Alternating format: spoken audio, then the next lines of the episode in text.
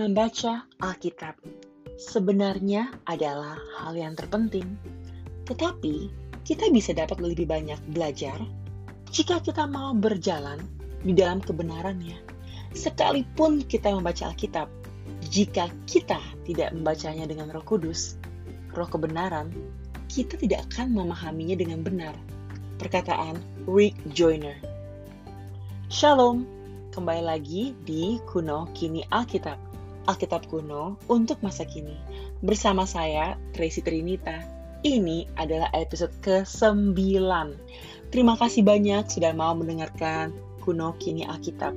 Saya juga berterima kasih bagi teman-teman yang bukan saja setia mendengarkan, tapi juga berbagi kepada teman-temannya agar kebenaran di masa kuno bisa kita mengerti di masa kini. Kalau kita berbicara tentang Tuhan, kita tahu bahwa Tuhan menciptakan seluruh alam semesta, waktu dan tempat melalui kuasa firman-Nya. Kita juga menyadari bahwa saat alam menciptakan manusia dan dan seluruh isi bumi, semuanya itu pasti ada tujuan kenapa kita semua tercipta.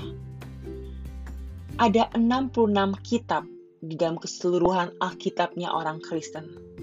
Dan seluruh firman Tuhan bercerita tentang kedaulatan Tuhan dan bagaimana Tuhan mau kita mengenal Tuhan, mengenal mengenal Dia agar dan Tuhan mau punya relasi dengan manusia.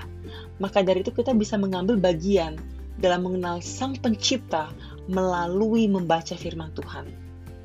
Hal tersebut dialami oleh banyak orang dan kita bersyukur sekali Tuhan telah memilih 40 penulis yang mengalami perjumpaan dengan Tuhan dan diberi panggilan khusus untuk menceritakan kemuliaan Tuhan bagi dunia.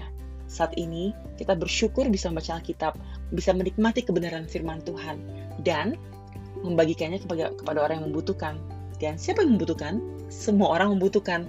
Banyak yang gak sadar kalau dia membutuhkan. Oke, hari ini kita akan membaca kitab kejadian.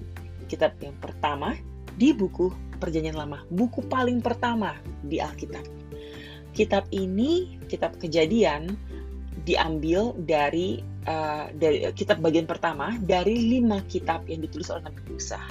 Lima kitab itu disebut Pentatuk, artinya lima gulungan. Di kitab kejadian ada 50 pasal. Kalau pasal 1 sampai pasal 11 itu berisikan awal sejarah manusia. Di situ tertulis tentang karya penciptaan, bagaimana Allah menciptakan seluruh alam semesta dan semua yang hidup. Kejatuhan manusia dalam dosa di Taman Eden. Dan kita juga mempelajari generasi-generasi pertama manusia dari zaman kuno, termasuk Nuh dan keturunannya. Bagian yang kedua adalah pasal 11 hingga 50 yang berisikan awal mula umat Allah, yaitu bangsa Israel. Siapa-siapa aja sih yang akan disebutkan dalam firman Tuhan di pasal 11 sampai 50. Tokoh-tokoh besar adalah Abraham, Sarah, Ishak, Ishak dan keluarganya, Yakub dan Esau dan keluarga mereka. Kisah tentang Yusuf anak Yakub juga ada. Nah, melalui kuno kini Alkitab, saya sangat berharap kita semua punya meluangkan waktu untuk mendengarkan pembacaan ayat Alkitab dan akan ada juga renungan harian uh, dan pertanyaan untuk bisa-bisa berpikir bagaimana caranya kita menanggapi firman Tuhan tersebut. Saya berharap kita semua bisa merenungkannya dan dipimpin oleh Tuhan untuk mengaplikasikan kebenaran firman Tuhan di keseharian kita. Karena kita dipanggil bukan cuma menjadi pendengar, tetapi menjadi pelaku firman Tuhan. Oke, tanpa panjang lebar, mari kita membaca kitab kejadian. Namun sebelumnya izinkan saya berdoa dengan singkat ya. Tuhan, kami bersyukur Engkau adalah Allah yang berbicara kepada kami melalui firman-Mu. Pada hari ini Tuhan, kami berdoa kiranya Engkau memimpin kami dalam mendengarkan firman Engkau Tuhan dan melakukan firman-Mu Tuhan di dalam kehidupan kami. Terima kasih banyak Tuhan, kami tahu tanpa pertolongan Tuhan, kami tidak bisa bertumbuh dan berbuah. Kami mau Tuhan, untuk Tuhan jama kami, pimpin kami, dan pakai kami untuk kemuliaan Tuhan. Terima kasih Tuhan, kami berdoa dan mengucap syukur. Amin. Kitab Kejadian 9. Perjanjian Allah dengan Nuh. Lalu Allah memberkati Nuh dan anak-anaknya, serta berfirman kepada mereka, Beranak cuculah dan bertambah banyaklah, serta penuhi bumi. akan takut dan akan gentar padamu. Segala binatang di bumi dan segala burung di udara, segala yang bergerak di muka bumi, dan segala ikan di laut. Ke dalam tanganmu lah semua itu diserahkan. Segala yang bergerak yang hidup akan menjadi makananmu. Akan telah memberikan semua, aku telah memberikan semuanya itu kepadamu seperti juga tumbuh-tumbuhan hijau. Hanya daging yang masih ada nyawanya, yakni darahnya, janganlah kamu makan. Tetapi mengenai darah kamu, yakni nyawa kamu, aku akan menuntut balasnya. Dari segala binatang, aku akan menuntutnya. Dan dari segala manusia, aku akan menuntut nyawa sesama manusia. Siapakah yang menumpahkan darah manusia, darahnya akan tertumpah oleh manusia. Sebab Allah membuat manusia itu menurut gambarnya sendiri. Dan kamu beranak cuculah dan bertambah banyak, sehingga tak terbilang jumlahmu di atas bumi. Ya, bertambah banyaklah di atasnya. Berfirmanlah Allah kepada Nuh dan kepada anak-anaknya yang bersama-sama dengan dia. Sesungguhnya, aku mengadakan perjanjianku dengan kamu dan dengan keturunanmu dan dengan segala makhluk hidup yang bersama-sama dengan kamu, burung-burung ternak dan binatang-binatang liar di bumi yang bersama-sama dengan kamu, segala yang yang keluar dari bahtera itu, segala binatang di bumi, maka kuadakan perjanjianku dengan kamu, bahwa sejak ini tidak ada yang hidup yang akan dilenyapkan oleh air bah lagi, dan tidak akan lagi air bah untuk memusnahkan bumi. Dan Allah berfirman, inilah tanda perjanjian yang kuadakan antara aku dan kamu, serta segala makhluk yang hidup, yang bersama-sama dengan kamu, turun-temurun untuk selama-lamanya. Busurku kutaruh di awan, supaya itu menjadi tanda perjanjian antara aku dan dan bumi.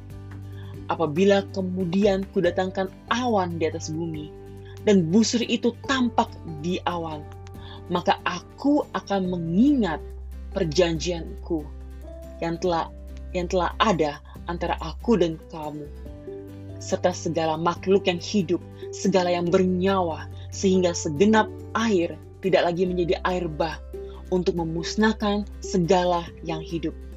Jika busur itu ada di awan, maka aku akan melihatnya sehingga aku mengingat perjanjianku yang kekal antara Allah dan segala makhluk yang hidup, segala makhluk yang ada di bumi ini. Dan berfirmanlah Allah kepada Nuh, inilah tanda perjanjian yang kuadakan antara aku dan segala makhluk yang ada di bumi. Nuh dan anak-anaknya. Anak-anak Nuh yang keluar dari Bahtera ialah Sem, Ham, dan Yafet. Ham adalah bapa Kanaan. Yang tiga inilah anak-anak Nuh. Dan dari mereka inilah tersebar penduduk seluruh bumi. Nuh menjadi petani. Dialah yang mula-mula membuat kebun anggur.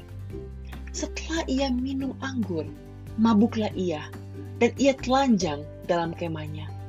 Maka Ham, bapak Kanaan itu, melihat aurat ayahnya Lalu diceritakanlah kepada kedua saudaranya di luar. Sesudah itu, Sam dan Yafet mengambil sehelai kain dan membentangkannya pada bahu mereka berdua. Lalu mereka berjalan mundur. Mereka menutup aurat ayahnya sambil berpaling muka, sehingga mereka tidak melihat aurat ayahnya. Setelah Nuh sadar dari mabuknya dan mendengar apa yang dilakukan anak bungsunya kepadanya, Berkatalah ia, terkutuklah Kanaan. Hendaklah ia menjadi hamba yang paling hina bagi saudara-saudaranya. Lalu katanya, terpujilah Tuhan Allah Sem, tetapi kan hendaklah Kanaan menjadi hamba baginya. Allah meluaskan kiranya tempat kediaman Yafet, dan hendaklah ia tinggal dalam kemah-kemah Sem. Tetapi hendaklah Kanaan menjadi hamba baginya. Nuh masih hidup 350 tahun sesudah air bah. Jadi, Nuh mencapai umur 950 tahun, lalu ia mati. Inilah firman Tuhan. Terpujilah Tuhan. Renungan hari ini. Hari ini kita mempelajari perjalanan iman Nabi Nuh dalam perjanjian lama. Kita juga melihat perjanjian Allah dengan Nuh.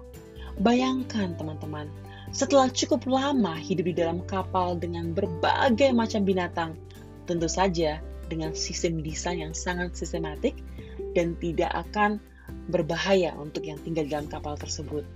Nah, akhirnya mereka bisa keluar dari bahtera tersebut untuk memulai hidup yang baru di bumi yang kosong, kecuali oleh makhluk satu bahtera tersebut. Pemotongan tali pitah dalam memulai hidup yang baru adalah pada saat Allah memberkati Nuh dan anak-anaknya. Beranak cuculah dan penuhi bumi. Maka Tuhan ber, memberkati dan memberikan instruksi agar manusia bisa hidup dalam Tuhan, sehat, kudus, dan berguna. Tanda janji Allah bahwa tidak akan lagi turun air bah menutupi bumi adalah dengan busur di langit, yaitu tanda pelangi pengharapan.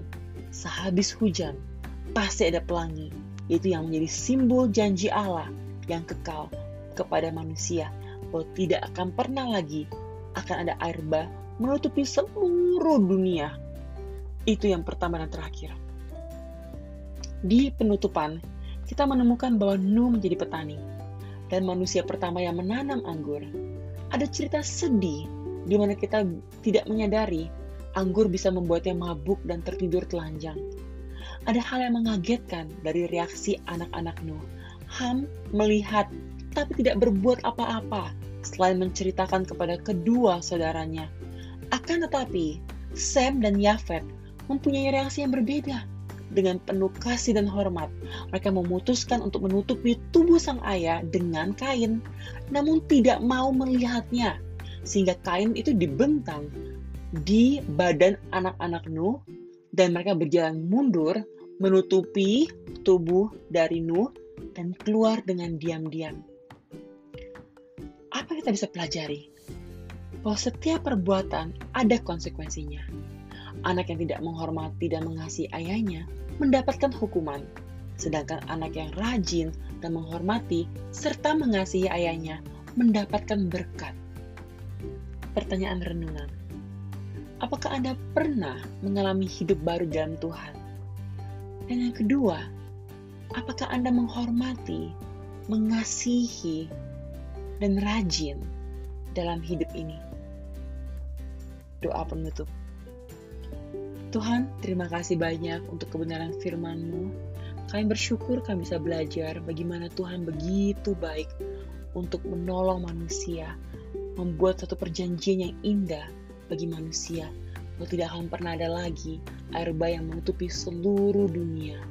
Kami berterima kasih untuk pelajaran firman Tuhan yang kami pelajari melalui kitab kejadian 9.